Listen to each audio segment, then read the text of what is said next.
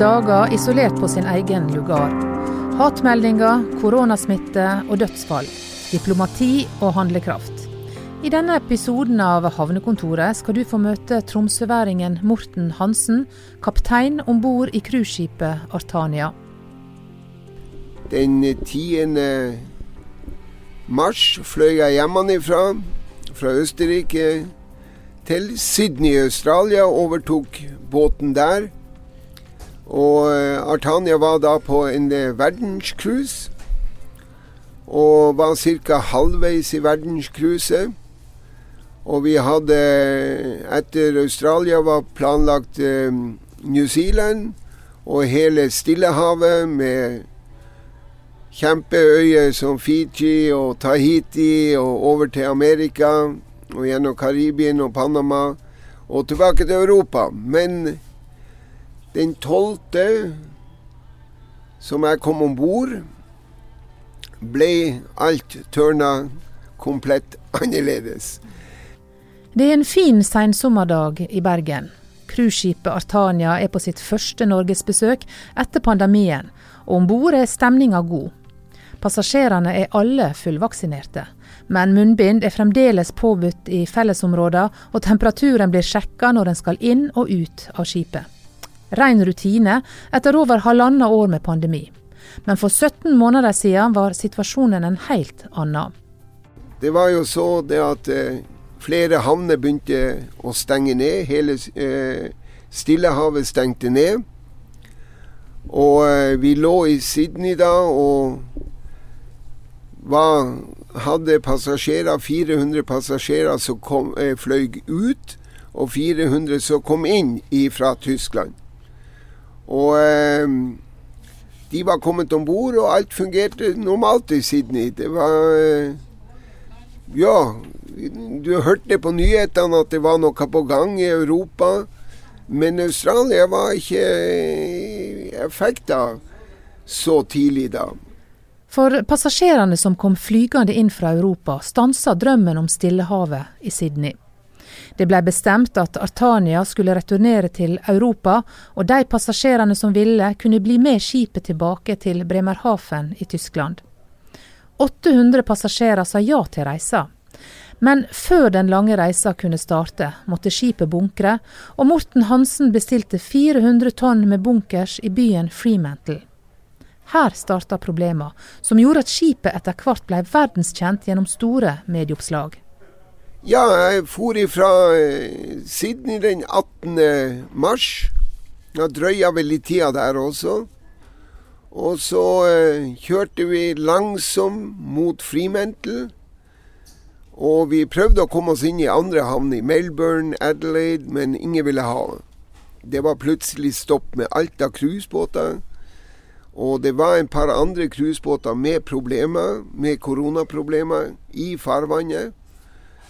Og eh, vi tok langsomt med to maskiner ret, eh, retning Frimentel, og den eh, Tre dager før vi kom til Frimentel, så får vi beskjed fra rederiet at én hadde meldt seg i bånn, en passasjer, som hadde vært om bord i Sydney og fløy tilbake fra Sydney, var testa positiv.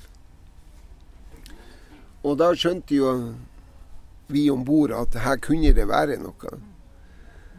Og eh, den dagen før vi kom til Frimentel, så eh, begynte passasjerer å melde seg med feber og en par som var virkelig syk.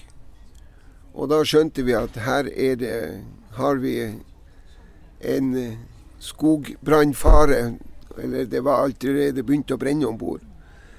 Og eh, vi kom oss inn til Fremantle. Og eh, først var det mye akkedering å få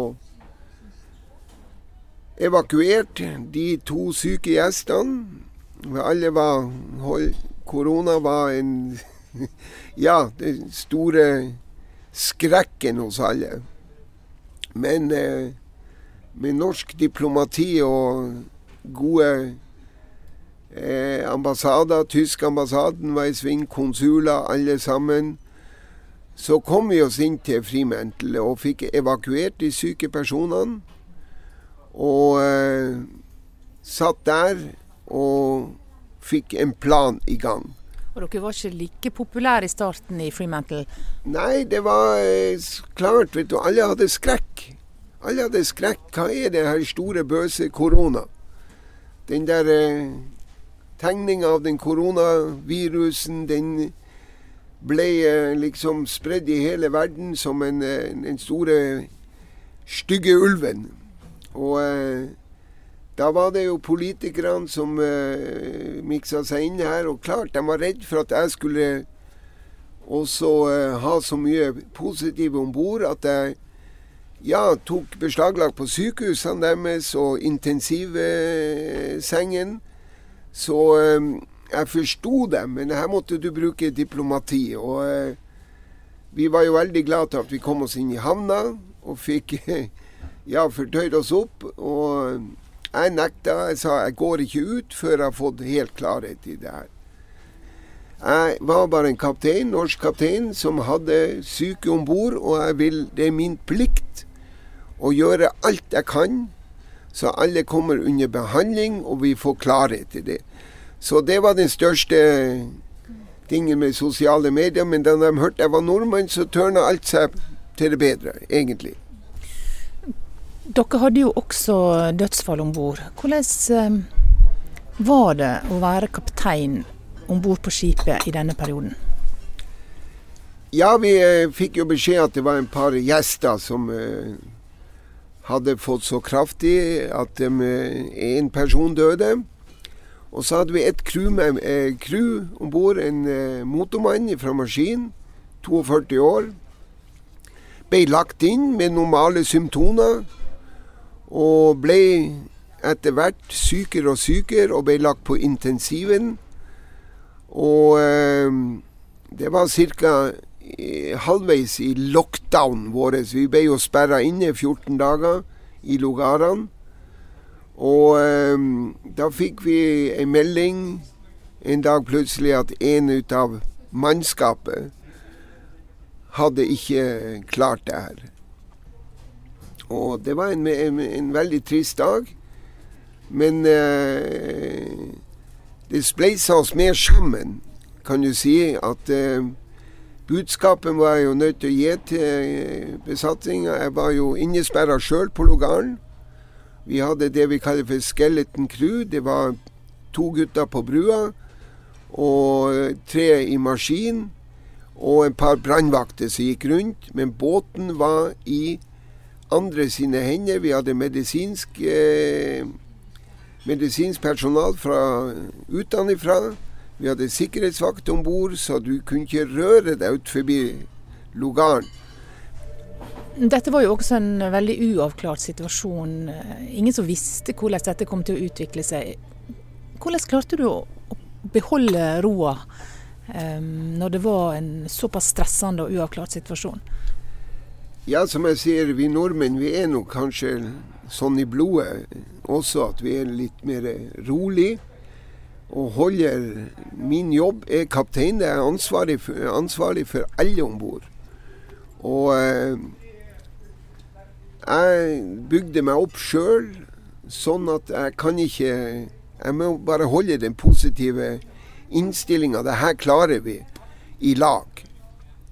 Og eh, jeg hadde taler til dem hver dag. Jeg satt i telefon og ringte rundt på lugarene. Brukte to-tre timer i telefon hver dag til hver crew. Hvordan har du det? Og prate litt om familie, alt mulig. Spilte litt musikk til dem. Og eh, hver dag en liten sånn Ja, litt grann humor hører til. Og eh, prøve å motivere dem hele tida til å holde de her 14 dagene som vi sitter på lugarene, det er til gode for oss. For de ble jo sjekka medisinsk hver dag. Og de som hadde minste symptomene, de ble evakuert på land. Etter to uker i lockdown kunne skipet starte den lange reisa mot Europa. 800 passasjerer var allerede reist hjem, men åtte passasjerer ble igjen for å være med på den over 50 dager lange sjøreisa tilbake til Tyskland. Ja, selvfølgelig sa det, det blir ikke noe cruise tilbake. Det er 52 dager om bord. Og vi har ingen service om bord, men vi skal lage mat til dem. Vi har jo gått med proviant om bord, det hadde vi kjøpt i Sydney. Vi hadde proviantert for en halv million australske dollar pga. vi regna med 800, men vi endte med åtte. Så de åtte kom om bord og hadde kabiner oppe på dekk åtte. Og eh, da tok vi løs ifra eh, Frimetal, jeg tror det var den 18. Eh, april, etter de 14 dager lockdown. Og eh, da kom jo spørsmålet også fra rederiet at jeg er nødt til å Det er ikke fly å få. Så jeg er nødt til å gå til Indonesia og Filippinene og levere crew også. Så det var en lang, lang, lang tur foran oss med åtte passasjerer og ca. 400 crew. Men det gikk veldig, veldig godt. Vi for uh, retning uh, Bali, men så fikk jeg omordre, kontraordre, går til Jakarta. Og der leverte jeg 60 crew, indonesere. Og de ble, kom jo om bord og testa, og de måtte i karantene om land. Og så var det å kjøre videre til Manila. Og da jeg kom til Manila, så tenkte jeg i Svarten her var det, Der lå det ti cruisebåter og venta for å få levere crew. Og jeg tenkte her blir vi liggende. Men rederiet hadde chartra to hotell som karantenehotell for crewet. Og det var redninga vår. Vi, eh, etter to dager på Reia så kom jeg meg inn og leverte 236 filippinere. Og etter tre timer så kom jeg meg løs fra Manila, og da var den største jobben så lenge vi var friske om bord, var ingen Vi testa jo hver dag, eller ikke testa, men vi sjekka symptomene. Vi hadde jo ikke testutstyr da. Men eh, det var ingen som hadde noen symptomer om bord. Vi hadde lege om bord, vi hadde sykesøster med, to sykesøster. Men eh, alle så far var frisk, Og da var det å komme seg tilbake til Europa. Det var en lang, lang, lang tur med to maskiner elleve knop, økonomi. Og eh, den 8. 8. juni var det ankomst eh, Bremerhaven i Tyskland. Artania ble liggende i opplaget i Bremerhaven, og kaptein Hansen fikk en fem måneder lang ferie hjemme i Østerrike. Så, i juli i år, starta cruisetrafikken til Norge så smått opp igjen. Og når jeg treffer Morten Hansen i Bergen, er skipet på vei tilbake til Tyskland for å plukke opp nye passasjerer og starte reisa mot Norge igjen. Men hva med framtida for Artania og cruisetrafikken? Når pandemien har lagt seg, blir cruisetrafikken som før da? Morten Hansen følger med på debatten om såkalt overturisme, om forurensning, og gjennom sine mange år med hele verden som arbeidsplass, har han sett ei utvikling som ikke bare er positiv. Den veien cruiseindustrien gikk, det var jo steil opp. Altså, det var ikke noe stopp i det her. Og båtene ble bygd større og større. Og det ble jo en masseindustri. Når jeg var, begynte i Karibien eh, på 80-tallet så var cruise en helt annen ting. Og eh, Europa var jo ikke noe cruiseplass heller. Og så begynte å ta av her på 2000, rundt 2000-tallet, så har det gått noe helt eh, vanvittig opp og opp og opp. og Cruise var egentlig en ferieart som eh, alle kunne Ja, prisene var OK. Og du fikk se masse nye land, nye havner, turer. Og båtene ble jo en, virkelig eh, laga som eh, Ja, alt mulig som går an å bevege seg, kunne være om bord. Altså fra tivoli til kjøre gokart og klatre. Og så det har jo utvikla seg enormt. Og ja, kanskje Jeg håper nå at etter koronaen at vi tenker litt annerledes. Den masseturismen, Trenger vi egentlig den? Jeg spør meg sjøl. Kommer til miljø? Ja. Jeg forstår, og vi er med på å, å ta vare på det her. Jeg kjører jo kun på diesel i dag. Og eh, vi bygger inn landstrøm for å eh, forholde oss spesielt i Norge. Og vi investerer nå i landstrøm, koster oss 14 millioner. Men vi gjør det for å oppgradere båten.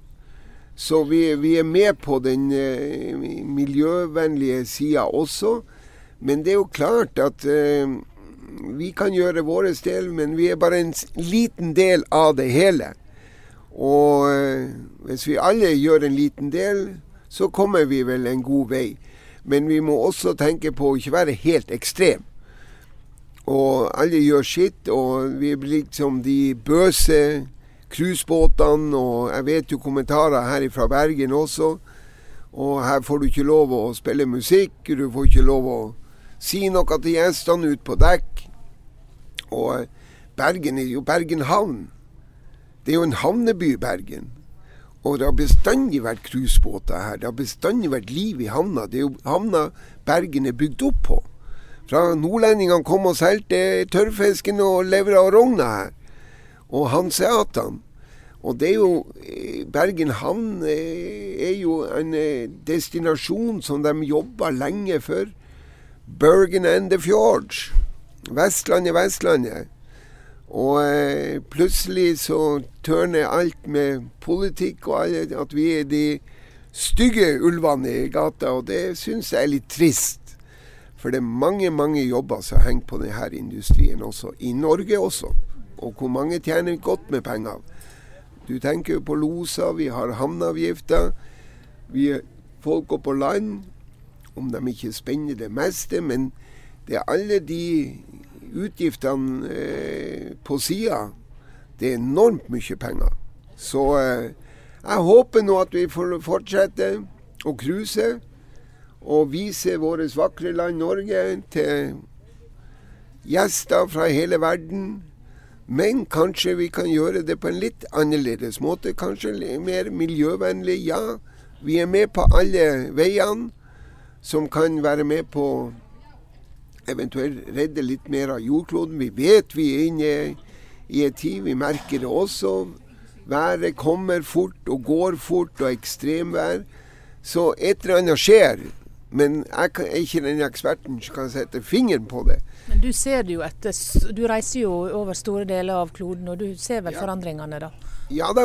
Og eh, Norge er jo en av de som går i, i foregang med det her. Men det er dessverre mye andre perler på jorda hvor de ikke vet hvordan de skal omgås med plastikken og alt det som er.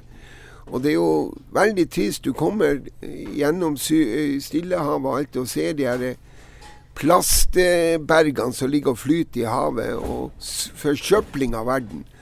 Jeg tror det er mer viktig enn en båt som eh, går på diesel. Hvis vi kan rydde litt mer opp i, i masse andre ting, så tror jeg den plastikken er en av de største fiendene. For den kommer tilbake på matfatet til slutt. Og det er mer viktig enn om du har en, en diesel eh, som kommer litt eksos ut. Vi gjør alt vi kan for å overhale maskinene, og at de går på de beste turtallene til å ha minst utslipp. Men det er en lang vei å gå. Men det eneste Norge kan ikke redde hele verden. Men i lag kan vi gjøre mye. Det blir siste ord og konklusjon i denne samtalen. Takk til deg som hørte på. Følg oss videre, og husk å abonnere på podkasten i din podkast-app.